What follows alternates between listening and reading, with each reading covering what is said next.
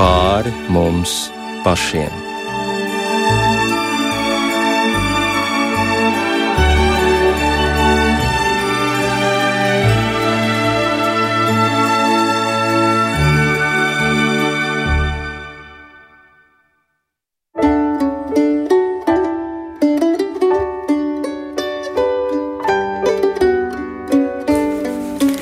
Esiet sveicināti raidījumā pāri mums pašiem, lai ir slavēts Jēzus Kristus.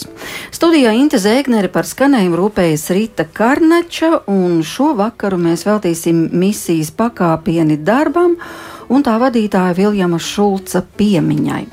Par Viljamu, viņa daudzajiem dzīves piedzīvojumiem un arī citu dzīvēm, kas mainījās pateicoties pakāpieniem, ceram arī izlasīt drīzumā grāmatā, kurā atmiņu liecības stāstus un arī piedzīvojumus apkopojas publicists Arnis Šablovskis. Un Arnis šovakar ir arī mūsu studijā. Labvakar, Arni! Labvakar. Un vēl šovakar kopā ar mums ir arī Viljama Šulca dēls Tomas. Labvakar! Labvakar un misijas pakāpieni projektu vadītāja Viljama Šulca līdzgaitniece Golgātas draudzē un arī pakāpienos Selga Kozlovska. Labvakar! Labvakar. Domāju, ka daudziem kristīgās misijas pakāpienu vārds nav svešs, bet tomēr lūkšu sēlgu dažos vārdos atgādināt pakāpienu vēsturi un arī to misiju, kas joprojām turpinās. Jā, nu tā vēsture droši vien ir ļoti sena, jo, cik es saprotu, tad eh, misijas pakāpieni jau darbojās 30 gadus. Un, eh, tā ir ļoti svarīga ļoti daudzām ģimenēm. Un es ticu, ka nekas nebeidzās, un mēs arī turpināsim palīdzēt eh, šīm ģimenēm, kurām ir tiešām vajadzīga palīdzība. Pārsvarā tās ir ģimenes ar bērniem, vientuļās māmiņas un ne tikai. Bet jūs pati, kā jūs iesaistījāties, kā notika jūsu sastapšanās ar pakāpieniem, jo šobrīd jūs turpinat Viljama darbu? Jā, mēs turpinam. Mana iesaista bija ļoti vienkārša, kad um, kādreiz Viljams uh, mani paņēma līdzi uh, apmeklēt kādu ģimeni, un mans stāsts arī bija diezgan smags, mana bērnība. Uh, Un es viņam teicu, ka es ļoti labi saprotu un izjūtu tās ģimenes, jo pat esmu bijusi tādā situācijā, kad man bija vajadzīga palīdzība. Un, uh, man šis darbs saistīja, kas man pat nelikās darbs, bet tā ir vairāk bijusi kā tāda kalpošana, kā tāds sirds darbs, ko es varētu arī darīt. Un arī īstenībā nepagāja neilgs laiks, kad uh, Viljams bija aicinājis mani uh, darbā, viņš pieņēma mani darbā, un tad arī uzzinot savu diagnozi, viņš bija vēlējies, lai mēs arī pārņemam un turpinam to darbu. Jā, bet pats viņš ir sacījis, smaidiet un ziniet, ka ar mani ir labāk nekā līdz šim. Tā viņš sacīja īsu brīdi pirms aiziešanas mūžībā. Un 66 gadi tas nemaz nav daudz, bet padarītais gandrīz divu mūžu vērts. Tiešām tā varētu teikt, jo darot šo misijas darbu, ir mainījušās daudzu cilvēku dzīves, ir izglābtas tik daudzas dzīvības. Simtiem ģimeņu, kas ir saņēmušas palīdzību caur misiju pakāpieni, sievietes, kas ir guvušas patvērumu, sagaidot bērniņu ienākšanu pasaulē, un šie bērniņi ir izdzīvojuši un pasaulē nākuši. Un tā mēs vēl varētu turpināt un turpināt arī par darbību draudzē un arī par šo žurnālu pakāpieni. Un, Arni, paldies, ka tu atsūtīji arī fotogrāfijas no Viljama Šulca dažādiem dzīves periodiem. Un tad es tā skatos vienu fotogrāfiju, nu, tāds zēns, 8, 9 gadi, tādām sapņainām acīm, tad spurains pusaudzis, tad jau kaut kāds hipiju laiks. Tad kāzas ar Dānu un sirsnīgus sveicienus mēs sūtām arī Danai Šulcai šovakar. Uh, Bet mans tāds jautājums radās nezis, nu, piemēram, ko tas mazais puisis savā prātā domāja to laiku, vai tiešām viņam nāca prātā un kurā brīdī nāca prātā, ka viņš tik globāli iesaistīsies Dieva darbā un ka būs viņa dzīve tik auglīga, tiešām tik daudziem cilvēkiem palīdzēts. Ar ko tad sākās tas pirmais dzirksteļojums?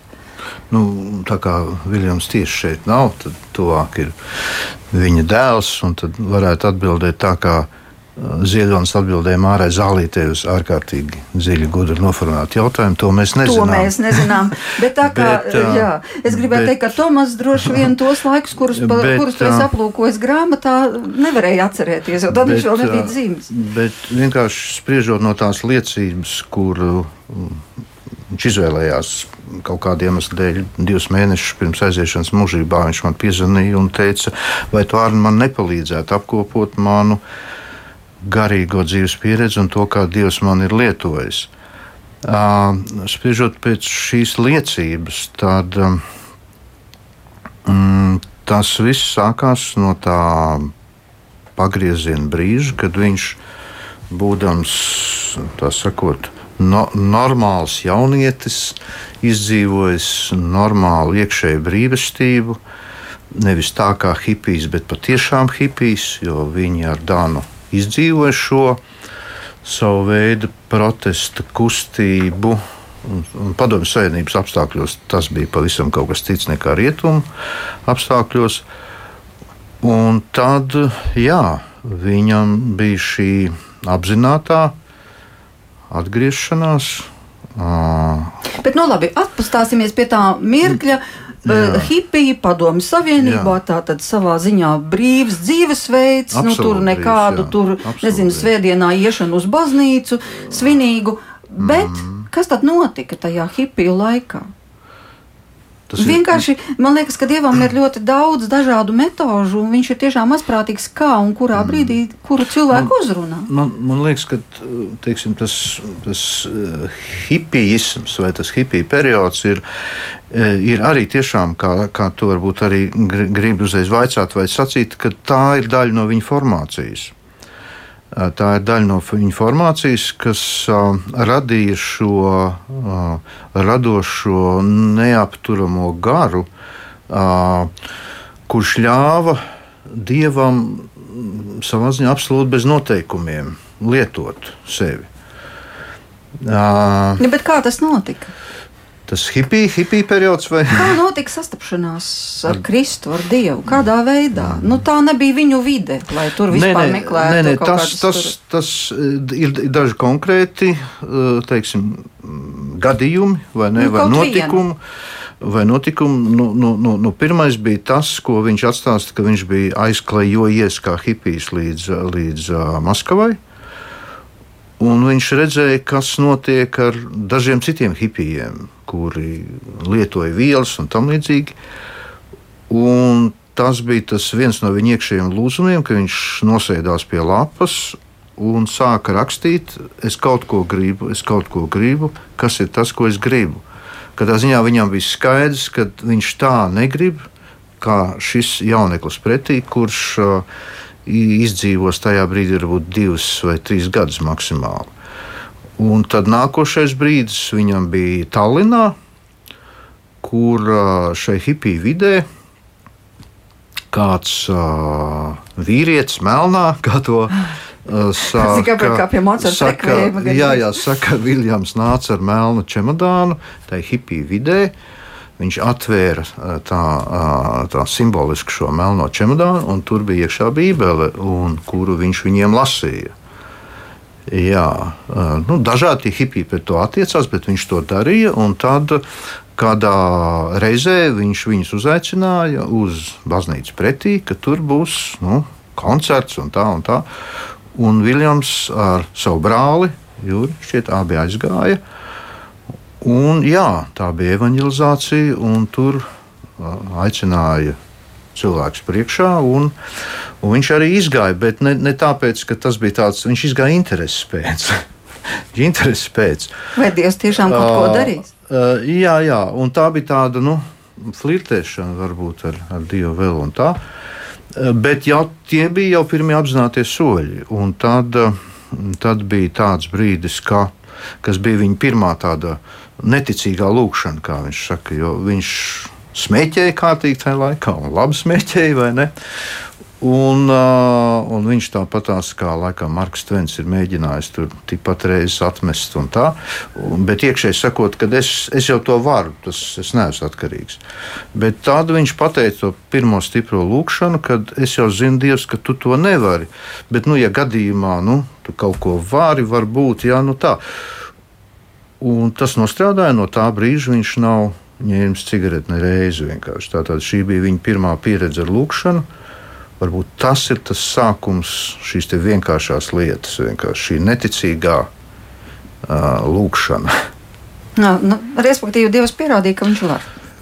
Jā, un es domāju, ka tālāk jau pa pakāpieniem, ja mēs lietojam to, tas viss veidojās, bet tas svarīgākais bija, uh, nu, tu, jau uzskaitīji Intu visus šos virzienus, ko, ko, ko, ko, ko, kur Dievs Viljam lietojas, kā kas man bija arī svarīgi to sadzirdēt. Ne jau šo darbu dēļ, ja, bet eh, tas ir tas svarīgais - atdot sevi pilnībā dievam. Un ko tur dievs dod, kādas lietas priekšā, tad to, to arī ļauj viņam darīt vienkārši. Ja. Nevis kā kādreiz, nevis ka tagad es darīšu šīs labās lietas, lai. Nē, vienkārši to atdod, un tad Dievs tev dod šo iespēju, šo dāvanu kalpot caur šiem cilvēkiem, caur šīm lietām. Tad eh, kurš brīdis bija tas, kad viņa dzīvē arī ienāca kristīgais roks, jo arī pakāpienu dzimšana lielā mērā ir saistīta ar šo žanru mūzikā? Nu, tur varbūt vairāk var, var, var, var Tomas, bet, eh, bet nu, tas varbūt gāja, hipijiem bija cits roks varbūt, vai ne, bet tajā brīdī tas savienojās varbūt, jo, jo katrā ziņā uh, es domāju, ka viņš meklēja veidus, kā kā, kā lai, lai, lai, lai, lai viss šī virzība, šis ceļš, lai tas ir dzīves vai ne dzīves. Jo, jo, jo mēs jau zinām, ka eh, Padomu Savienības laikā nu, tā kristietība tā kā bija, tā kā nebija varbūt baptistiem pat vairāk nekā citiem, ne, bet viņi nebija šo pilno vitalitāti. Viņi bija kontrolēti, viņi bija diezgan nospiesti.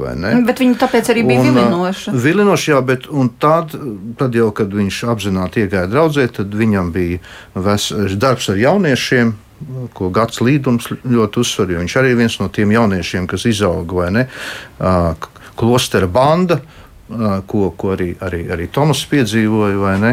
Tā tad šis pusaizliegtais darbs jau jauniešiem īsti, īsti strādāt padomus savienības apstākļos nedrīkstēja īstenībā. Ne? Tā kā jā, arī šis darbs ar jauniešiem, kad uh, viņš domāja par veidu, kā ar viņiem komunicēt, viņiem saprotamā valodā. Uh, Un kristīgais roks ir absolūti ideāls veids, kā jauniešus uzrunāt. Un viens no viņa favorītiem bija Glens Kaisers, jeb Resurrection Band, kas spēlēja šo kristīgo roku un arī dziedāja. Un šobrīd atgādināsim, kā tas toreiz skanēja.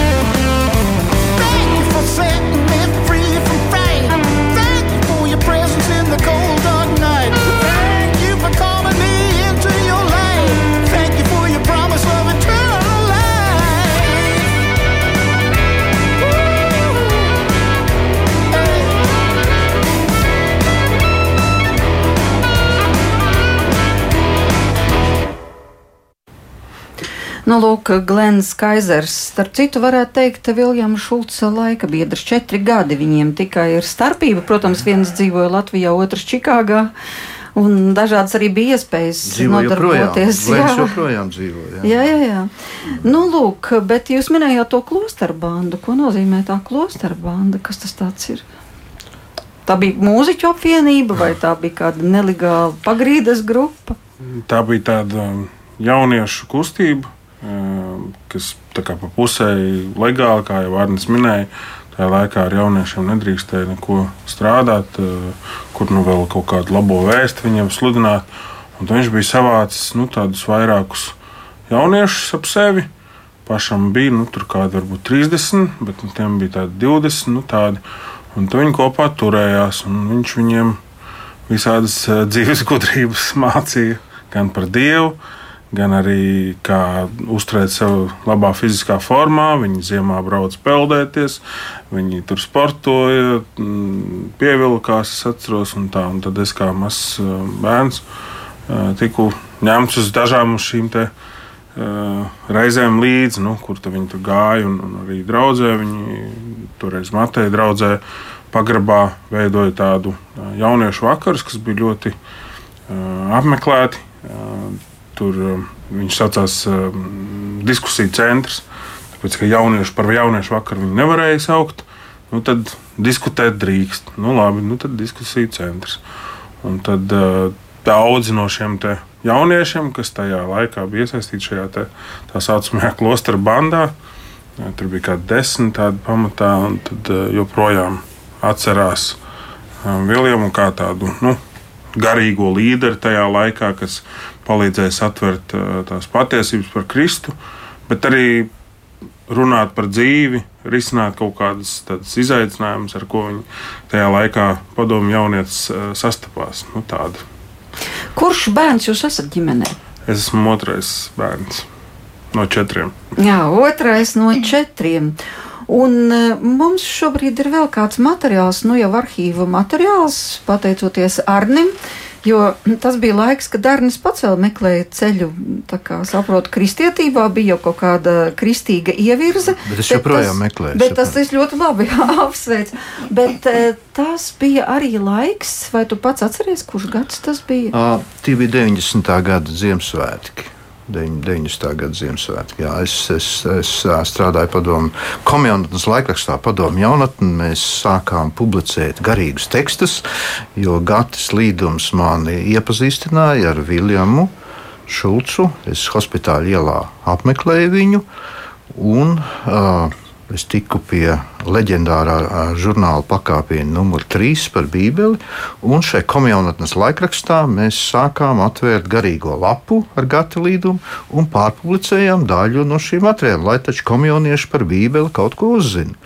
Un tad cilvēki televīzijā bija tik priecīgi par to, ka uzaicināja mani veidot raidījumu, un tad nekas cits neatlika kā uz vieniem Ziemassvētkiem šo izcilo Šulcu ģimeni parādīt visai Latvijai.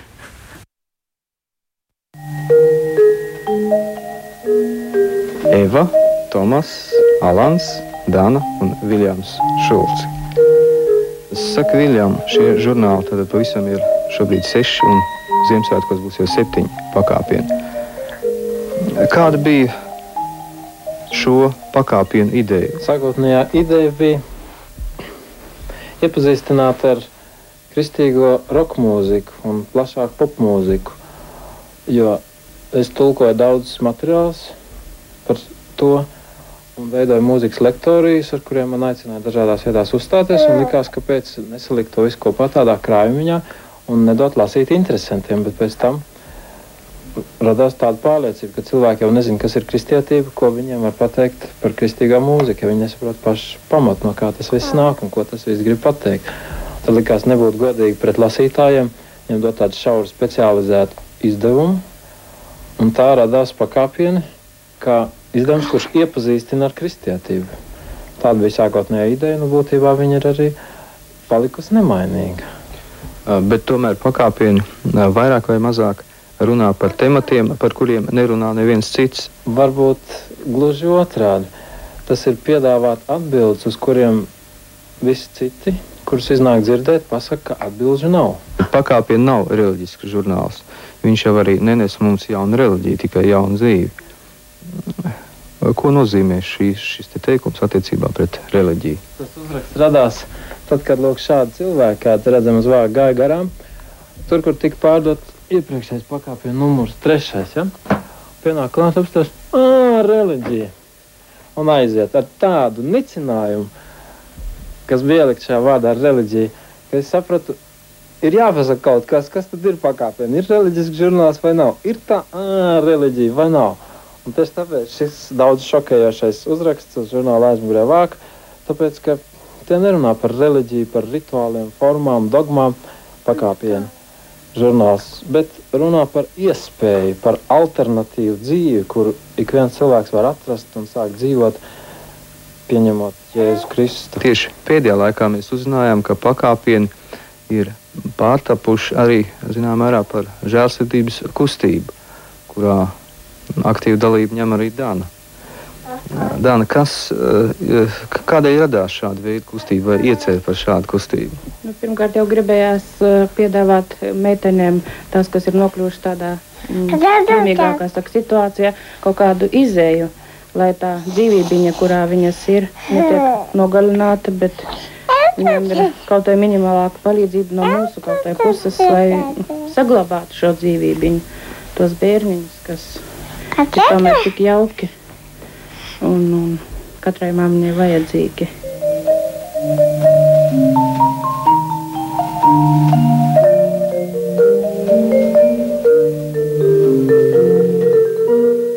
Katra dzīvība par sevi ir nenovērtējama. Tas ir svētums. Un tieši Ziemassvētku laikā mēs atkal varētu par to sākt domāt ka, ja nebūtu ļauts nākt pasaulē tai dzīvībai, toreiz, pret kur arī vērsās visi apstākļi, lai tā nenāktu pasaulē un nepiedzimtu, tad mums šodien nebūtu nekādas cerības. Diez vai civilizācija vēl vispār pastāvētu. Es domāju, ka tā būtu aprījusi pati sevi savos nemitīgajos ķīviņos un karos. Un mēs neviens nezinām, cik ārkārtīgi nozīmīgām dzīvībām netiek ļauts nākt pasaulē ar visiem tiem desmitiem tūkstošiem, kuriem ir gadus, arī Latvijā tiek ceļš aizslēgts. Kam ir tiesības izlemt? Manuprāt, mums cilvēkiem nav tiesības tādas dot izlemt par citu dzīvību. Vienalga, vai tā jau ir nākusi pasaulē, piedzimusi vai vēl tikai mācāmies. Tieši lūk, šādu veidu palīdzību mēs piedāvājam. Rakstiet mums Rīga 50, abonementu kastīte 164 vai zvaniet otrdienās, ceturtdienās no 10 līdz 2, 5, 5, 2, 1. 8,5. Gaidīsim. Dan, tev strādājot tieši savu profesijas darbu, teik, strādājot vecmātes darbu, kā tev liekas, kas ir dzīvība? Redzot, to mirkli, kad pasaulē nāk bērns, tas ir nu, kaut kas neat, neaptverams, neatkārtojams. Tas ir. Un tad, kad parādās bērna galviņa, tad man liekas, tas ir tāds brīnums. Un vēlāk aplūkojot to bērniņu, man citādāk vārda nav, ka tas ir brīnums un ka tas nāk tikai no Dieva.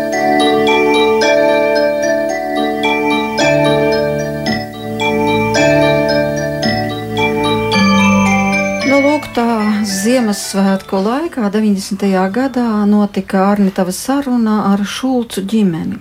Un jau toreiz, tajos 90. gados, jau parādījās šīs ziņas par to, ka eksistē šāda misija, kas vēlas palīdzēt meitenēm, kas ir stāvoklī un kas nezina tālāk, ko ar savu dzīvi iesākt un kurām nav kur palikt. Un tur bija ļoti daudz tādu bēdu ielējas stāstu, un bija, kā izrādās, tajā brīdī arī cilvēki, kas vēlējās palīdzēt.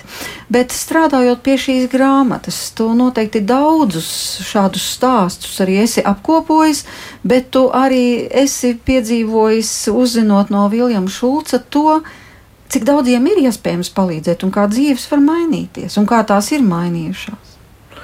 Ne, es domāju, ka tad, kad Viljams pateica jā, un iesaistot arī citus, un, un, Un tas bija tāds dieva gara vilnis, kad cilvēki viņam noticēja. Tā kā tā kustība pastāv joprojām, misija pastāv joprojām, tad joprojām šis gars, šis dievu pieskāriens turpinās. Tad vienlaicīgi man, man liekas, ar tiltu tā analoģija ir pareiza. Ka vienlaicīgi Dievs dod tās situācijas cilvēkiem, kuri ir problēmās krīzē, un vienlaicīgi arī tā harizma darbojas tā, ka dod šos, kas vēlas palīdzēt. Un tā atslēga bija tas Viljama nesautīgums, ko varēja just uzreiz, un bija vairāki notikumi atkal, kas viņam dzīvē to palīdzēja attīstīt vai pāraut, kā viņš uzskata. Viņš, viņš pats teica, ka viņš esot bijis skops cilvēks, eh, par ko es neticu, bet tā viņš apgalvo. Un tad bija šis notikums ar šo leģendārāko no pakāpienu žurnāliem, numur 3 kad Viljams bija nokļuvis ārzemēs kā labs tulks. Viņš ir Bilijam Greham tulkojis latviešu valodā, kur, kur Latvijā klausījās. Un tajā brīdī viņš atstāja, ja nemaldos, vienu no saviem brāļiem pieskatīt žurnālu. Un tad, kad viņš atgriezās, tad, tad brālis teica, ka ļoti labi, ka viss notiek ļoti labi, ka viņa viņa 10 tūkstoši eksemplāri nodrukāti. Nu, Filips tad ievilka gaisu un teica, labi, bet kas par to samaksās? Un brālis teica, es teicu, ka Viljams samaksās. Un tad, tad, tad, tad Viljams liecina, ka tā bija pirmo reizi dzīvē, ka viņam bija tāda sajūta, ka ap viņu ir tāda metāla virve vai ne? Jā. ka viņš noteikti negribēja sev darīt galu, bet tā sajūta viņam bija. Tie bija tie 70 tūkstoši?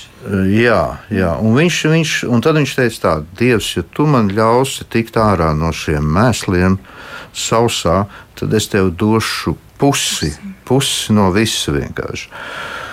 Un tad bija. Pusi bija, no saviem ienākumiem. Jā, jā. jā, un tad bija šie, šie, šie žurnāla kaudze. Un tad gan Dāna, gan visi citi gāja ziemā, arī augstā laikā, pie brīvības pieminiekļa un viss citur. Un par pieciem rubļiem, kas bija liela nauda, uh, tirgoja šos žurnālus. Bet uh, tā, tā dieva providence strādāja uh, tik lieliski, ka gan šos žurnālus viņiem izdevās izplatīt, gan arī parādījās atbalstītāji. Un viņš saka, ka tik viegli no tā visa, uh, no tā parāda tika vaļā ļoti viegli. Ļoti viegli. Un tad tas vilnis sākās. Vienkārši. Tas bija tas veids, kā Dievs viņu ie, ie, ieveda šai lielajā paļāvības sakot, dinamikā. Un tā, un tad, tad, jā, tad, tad viss sāk kustēties. Jā, bet tie cilvēku stāsti reālie cilvēku stāsti, kaut vienu. Tu vari mums Jā. pastāstīt nu, īsi. Droši vien, kad uh, Sēlgas zinās, bet, bet, daž, bet daži, jā. daži no tiem stāstiem, ko viņš stāstīja attiecībā uz uh, daudzbērnu ģimenēm, uh, daudzbērnu ģimenēm, jo tā tad. Mm, vienā brīdī, vienā brīdī tās bija pat 700 ģimenes visā Latvijā, kam viņi palīdzēja. Bet daži no tiem, no tiem stāstiem ir fascinējoši. Tā tad sevišķi man uzrunāja, protams, ja, tie stāsti, kur mammas, daudz bērnu mammas, izmisumā rakstīja, ka viņas ir, tā situācija ir tik slikta, ka viņas darīs sev noteikti galu, bet labi, ka viņas rakstīja to labi, ko viņš rakstīja. Jo, jo, jo šīs mammas, protams, nedarīja sev galu, eh, bet daudzos gadījumos notika absolūts brīnums. Eh, jo tajā brīdī pakāpienu to varēja atļauties, un ir tā, ka daudz bērnu eh, mam, ģimeņu mamām pie nepietiekamas un, ne, un nepietiekami veselīgas pārtikas rodas problēmas ar kauliem, un, respektīvi, problēmas ar zobiem. Un tad sākās tāda akcija, ka viņi pakāpieni, vārds sakot, salaboja zobus pirmkārt. Un sevišķi viens ir fascinējošs, kur, kur tagad tie zobi ir salaboti tai mammai, un tā mamma atnāk un dalās ar Viljamu, ka viņai ir liela problēma, jo viņa nevar beigt smaidīt tagad, vai ne? Nevar beigt smaidīt. Un, un, un, un, un tā atslēga tika atrasta tādā veidā, ja ģimenes mamma ir laimīga, ja viņa ir atguvusi savu pašcieņu, visa ģimene atgūst nu, spēku, vitalitāti. Un daudzos gadījumos šī mamma pat kļūst par tādu centru ne tikai ģimenei, jau tai videi. pagastam un tā tālāk. Un tad pēc kaut kādiem 20 gadiem, kā kādā konferencē, šī māma atkal pienāca pie viņa. Jūs man noteikti neatceraties, jūs man neatceraties. Viņš saka, nē, un tad viņš sāk stāstīt, ah, jūs esat tā, tā, tā māma, kas nevar pārtraukt smaidīt. Es joprojām nevaru pārtraukt smaidīt. ja, nu, tāds viens no tiem stāstiem. Jā, mums ir vēl viens stāsts. Pateicoties sirdsapziņas lieciniecei Lidijai Lasmanai, kuru šajā pēcpusdienā es sazvanīju, jo arī viņai ir savas ļoti svarīgas atmiņas par Viljamu Šulcu, jo Lidija arī sāka darboties pakāpienos, ļoti agri iesāka šo sadarbību, un ar viņas dzīvi pakāpieni arī ļoti ir sauguši kopā. Nu, Viljams man ir ļoti, ļoti tūs cilvēks, un esmu dalījusi ar viņu domas un darbu pakāpienos ilgus gadus no 88.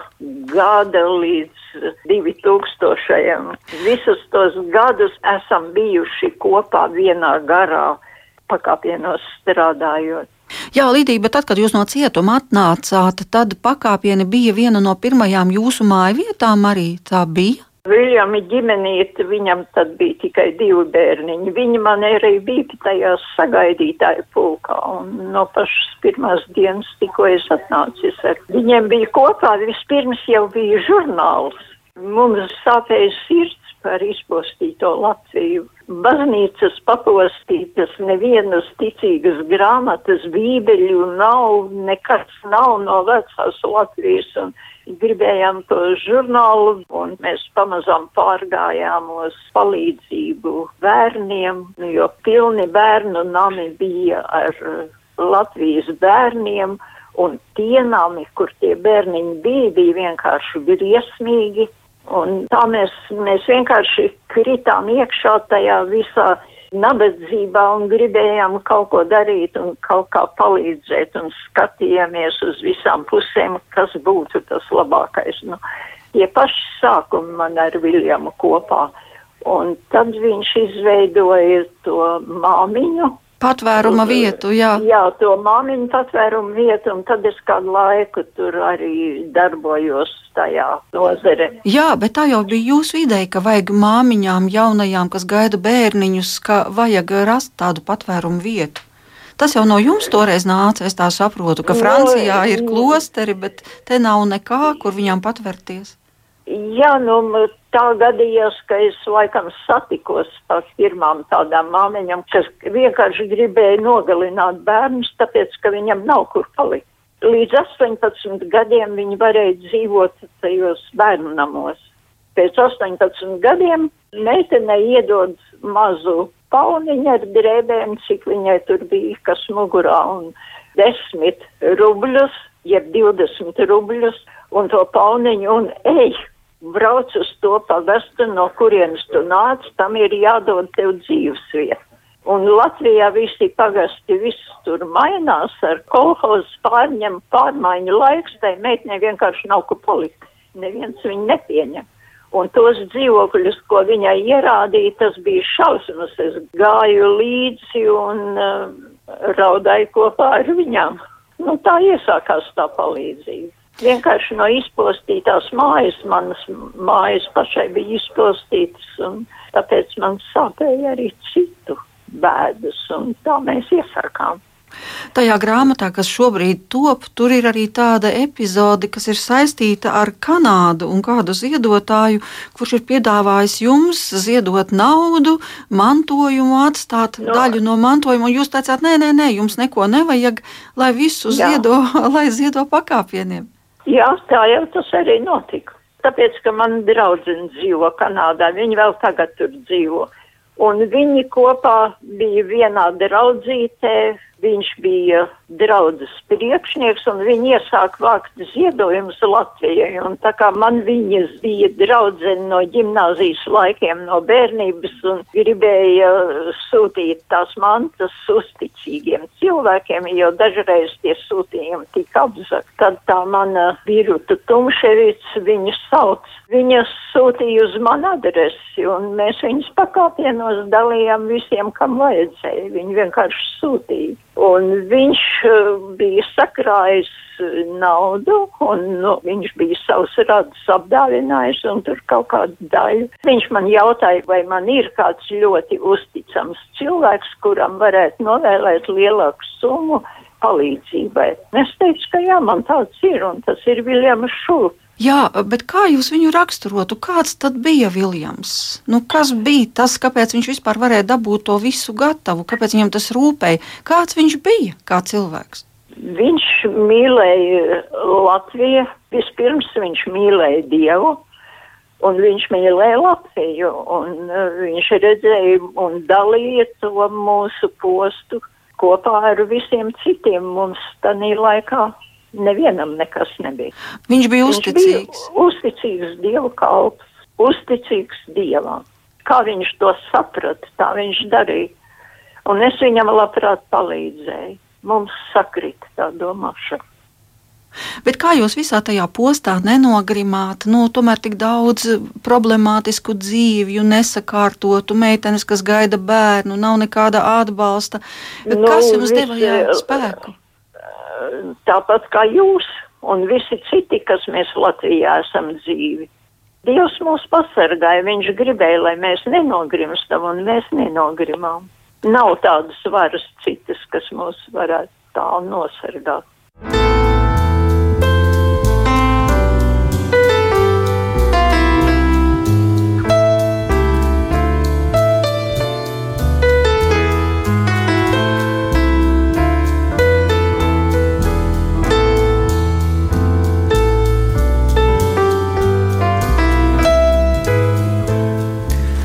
Paldies Lidijai par šo dalīšanos atmiņās, bet kas šobrīd notiek pakāpinos? Kā turpina dzīvot šī misija? Kas ir tas, ko tā dara? Jā, kā jau es sākumā minēju, pakāpieni turpina savu darbību, neskatoties uz to, ka Viljams ir aizgājis mūžībā. Uh, ir ļoti daudz ģimenes, kuras ir teiksim, bijušas atbalstītas un uh, kuru bērniši ir izauguši Un daudzas ģimenes, kuras jau ir nostājušās uz savām kājām, ir kādas ģimenes, kuras arī šobrīd atbalsta pakāpienus. Bet arī ļoti daudz ģimenes, kuras mēs turpinām atbalstīt, un nāk aizvien jaunas un jaunas ģimenes, kurām vajadzīga palīdzība. Tā kā laikam jau tas laiks ir tāds, kur, kur palīdzība būs vajadzīga, un uh, tas laikam tā neapstāsies. Mēs turpinām pie tā strādāt, un bērnu māja šobrīd ir tukša. Tur vairāk nav māmiņas ar bērniņiem, kuras dzīvotu, bet māja gaida savu brīdi, kad varbūt īstenosies tas Viljama iecerētais plāns, jeb vīzija, ka tur varētu varbūt notikties kāds jauniešu centrs, varbūt, ka tur varētu būt kāda dievkalpojuma un ka tur varbūt kāda draudze varētu būt. Tā kā bērnīša māja gaida savu brīdi, bet pakāpieni vienalga turpina darboties, un esam kādu brīdi palīdzējuši arī Ukrainai.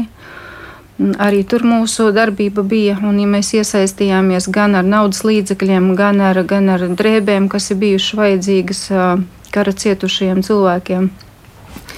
Jā, bet tik un tā Lidija runāja par 90.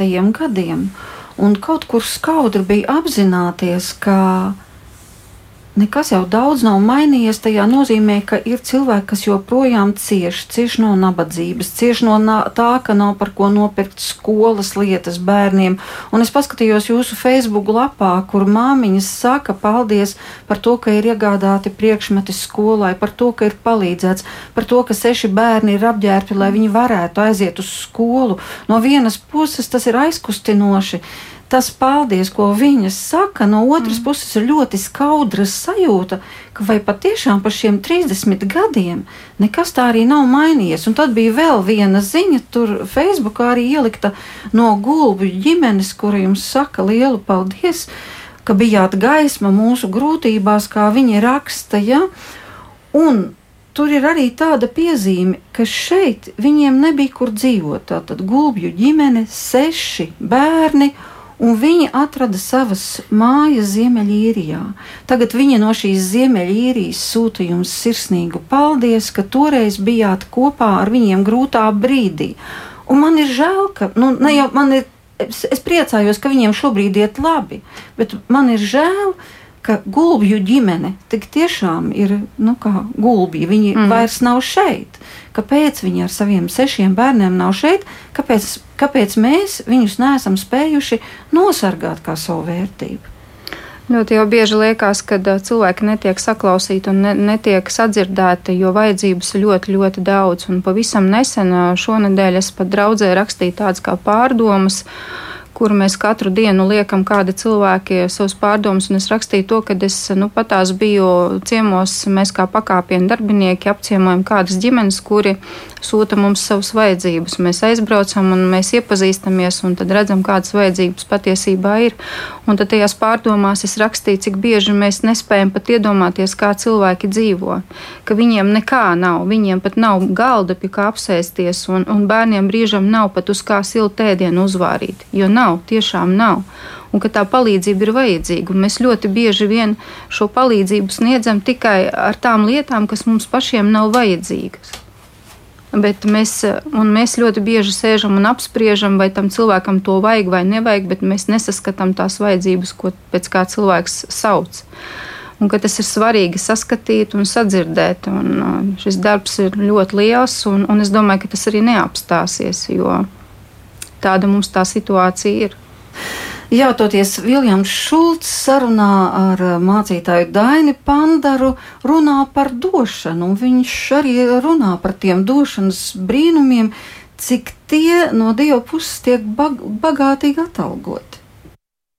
Es iemācījos, ka jo vairāk tu dod, jo tās svētības var būt lielākas.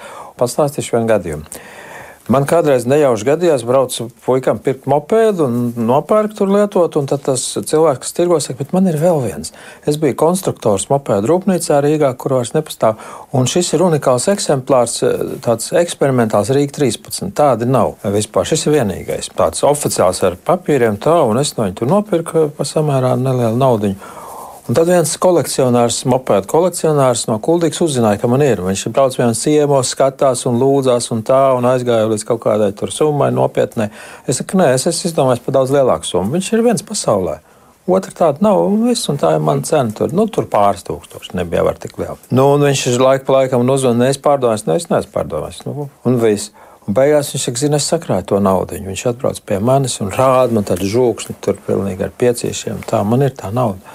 Tie 2000 saka, nu pastāsti, kāpēc tev tas mopeds tik svarīgs? Izrādās viņam milzu kolekciju, un viņš viņu bez maksas izstāda pilsētas svētkos un ļauj cilvēkiem pasēdēt uz tiem un bildēties un ierūcināt. Un, un viņš visu to dara pilnīgi nesavtīgi, lai ieguldītu kādā atkal tādā vēsturiskā dzelzī. Tas ir viņam nu, sirds aicinājums. Un es tā domāju, viss skaidrs ar šo cilvēku. Nu, viņš nepelnīs uz mani, viņš nepārdos tālāk. Te ir tas galapunkts, tas īstais, kurš novērtē. Nu, labi, es saku, krāmēju viņu savā busiņā iekšā. Viņš ieliek un dod man to čupu naudu. Saka, nē, nē, tas tev ir dāvana. Tas man pēc kā tā. tā ir, kas te tagad notiek? Viņš pilnīgi apjūts. Es saku, nu, tu esi kādreiz ziedojis kādam? Nē. Es saku, nu, piemēram, aizej uz baznīcu un noziedot tur. Vai tu ieraugi kādu cilvēku, kam ir trūkums un noziedot? Mācies tagad dot. Ne tikai, ka tā, viss, ko tu sapelni, ir tavs, bet dot prom, es saku. Šis tev ir tāds kā motivācija. Viņš bija ļoti pārsteigts. Un tieši ciemos pie manis ir pieaugušie bērni pāris, un tieši to uzzina un saka, Fāters prātīs kūkojas. Nu, kas viņš nevarēja paņemt tos divus štukus un mums iedot? Mēs zinātu, ko mums ļoti vajag. Jau, nu, galīgi, galīgi jau. Nu, labi, nu, kā kurš domā, bet es sapratu, ka man ir tik viegli atdot. Rekord 2000. Paldies! Paturi, lieto kaut kam labam. Viņš arī sāka ziedot. Viņš pat mūsu labdarības organizācijā sāka ziedot. Tā mm. redzēju, cilvēks dzīve mainījās pēc tam, kad tu. Ka tas pirmais. kaut ko izmainīja viņa dzīvē. Jā, jā, jā. jā, jā. Nu, tā. Un galvenais, ka tas nāk ar prieku. Tur nav tā sevi vairs jāpārvar. Ha, ha, lūdzu, priecīgi devēja Dievs mīl. Bet, piemēram, manai sievai tā dāvana ir no dzimšanas, no dabas. Viņa var visu atdot pēdējo, un par to vispār neko nedomāt. Viņai tas sagādā vēl lielāku prieku varbūt nekā man, ka viņa kādam var dot. Pastāstīšu gan, nu man ļoti šis tāds pašs uzrunā. Mums kādreiz noziedoja viena zemes gabala, jautāja Vilēm, tu tev būs tur ko darīt? Jā, mēs tur veidosim patvērumu centru krūtniecēm, bet tas bija meža vidū tāda veca māja, uz kuru neved īsti ceļš. Pēdējais kilometrs sliktā laikā ir pa dubļiem. Var piebraukt tikai ar kārtīgu džipu tur. Aizved tur divas grupas, potenciālo sponsoru, zviedrus un amerikāņus, un abi pateica, nekādā gadījumā. Un tā tā māja stāvēja tukša gadiem, mums nebija vairs idejas, ka nu, mēs tur netaisam tomēr to centru. Bet viņu zemes grāmatā uz mums. Un beigās es domāju, no, nu, mēs viņu notirgosim, un nauda būs tam pašam mērķim. Un parādās tas cilvēks, kas viņu uzdāvināja, un saka, ka Vilēm dod atpakaļ. Man tā doma pagaidi, piedod, draugs. Es varētu pajautāt, kas jūs tāds esat?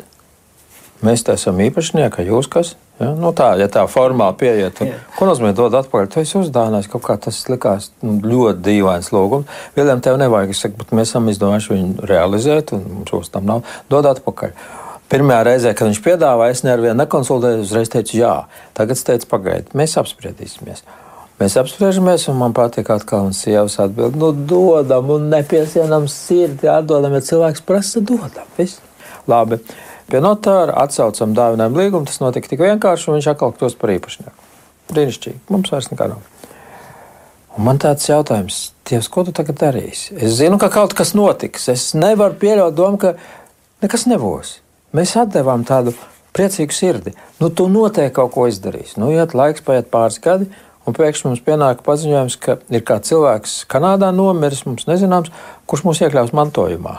Un tad tā starpniece, kas pazina viņu un mūsu darbu atbalstītāja Lidija Lasmana, saka, jā, jā, viņš gribēja mani iekļaut, bet es man neko nevajag, ieliec pakāpienu savā testamentā. Viņš ielika uz viņas vārdu pamatu. Un mēs saņēmām daudzkārt vairāk nekā jebkad būtu saņēmuši pārdodot to zemes gabalu. Nu tā, ka dot, nepiesienot sirdi arī tādās situācijās, kur dīvains lūgums. Nu, dodam, atdodam, nepiesienam sirdi. Cilvēkam vajag dot. Ja? Tādas svētības pēc tam nāk, jau, jā, paldies Dievam, nu jau pietiek. Pat materiāli. Cilvēkiem parasti nepietiek, bet mēs bieži esam varējuši teikt, Dievs, mums nav par daudz gadījumu.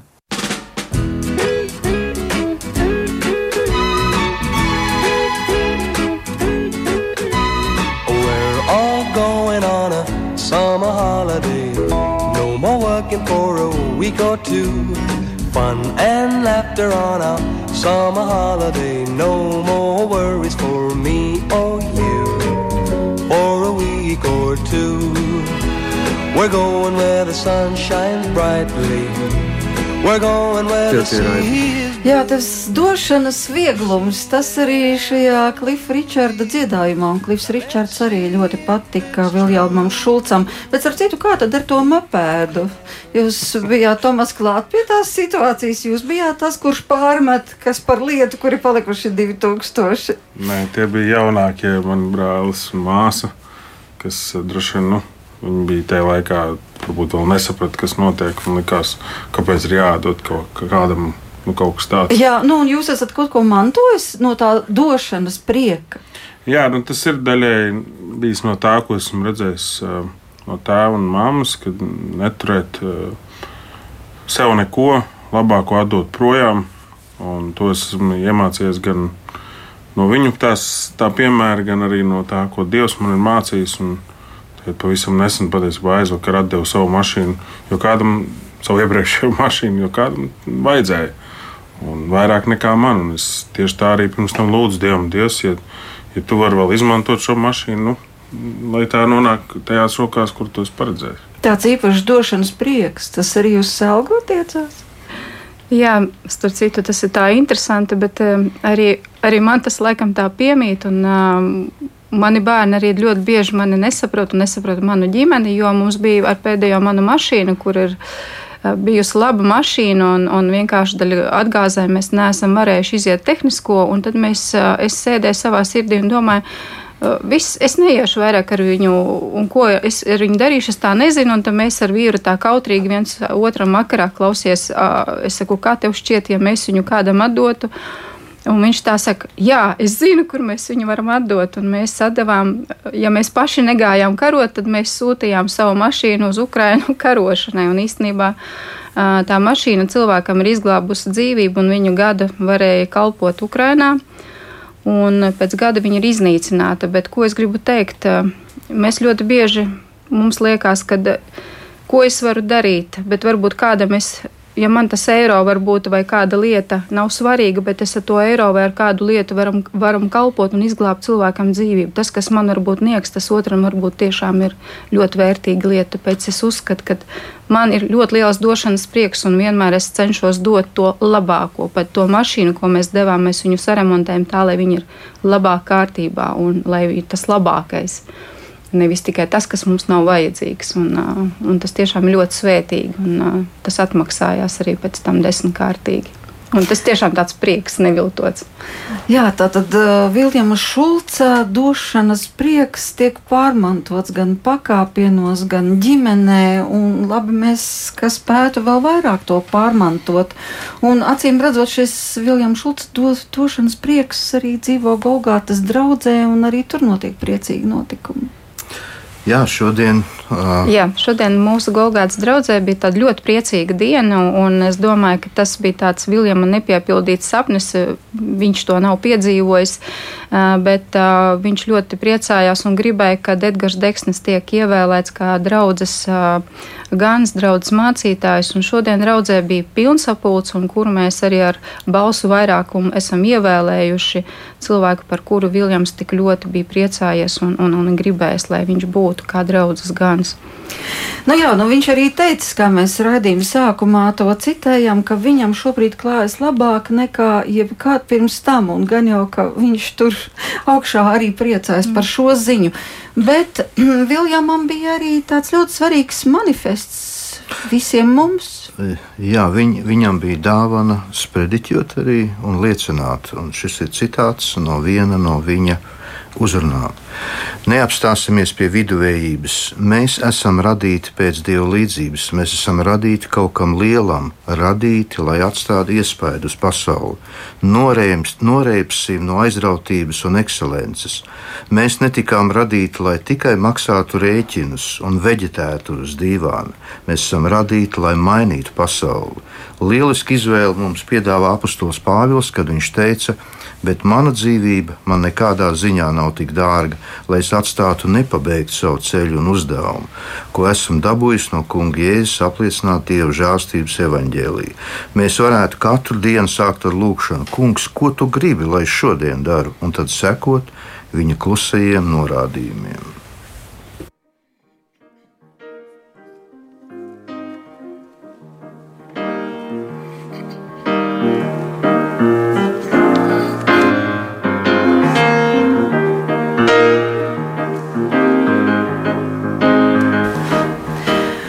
Šobrīd jau skan dziesma no Golgātas draudzes, un uh, līdz ar to arī raidījums tuvojas noslēgumam. Saku lielu paldies Viljam Šulca dēlam Tomasam un pakāpienu projekta vadītājai Selgai Kozlovskai, arī publicistam Arnim Šablovskim.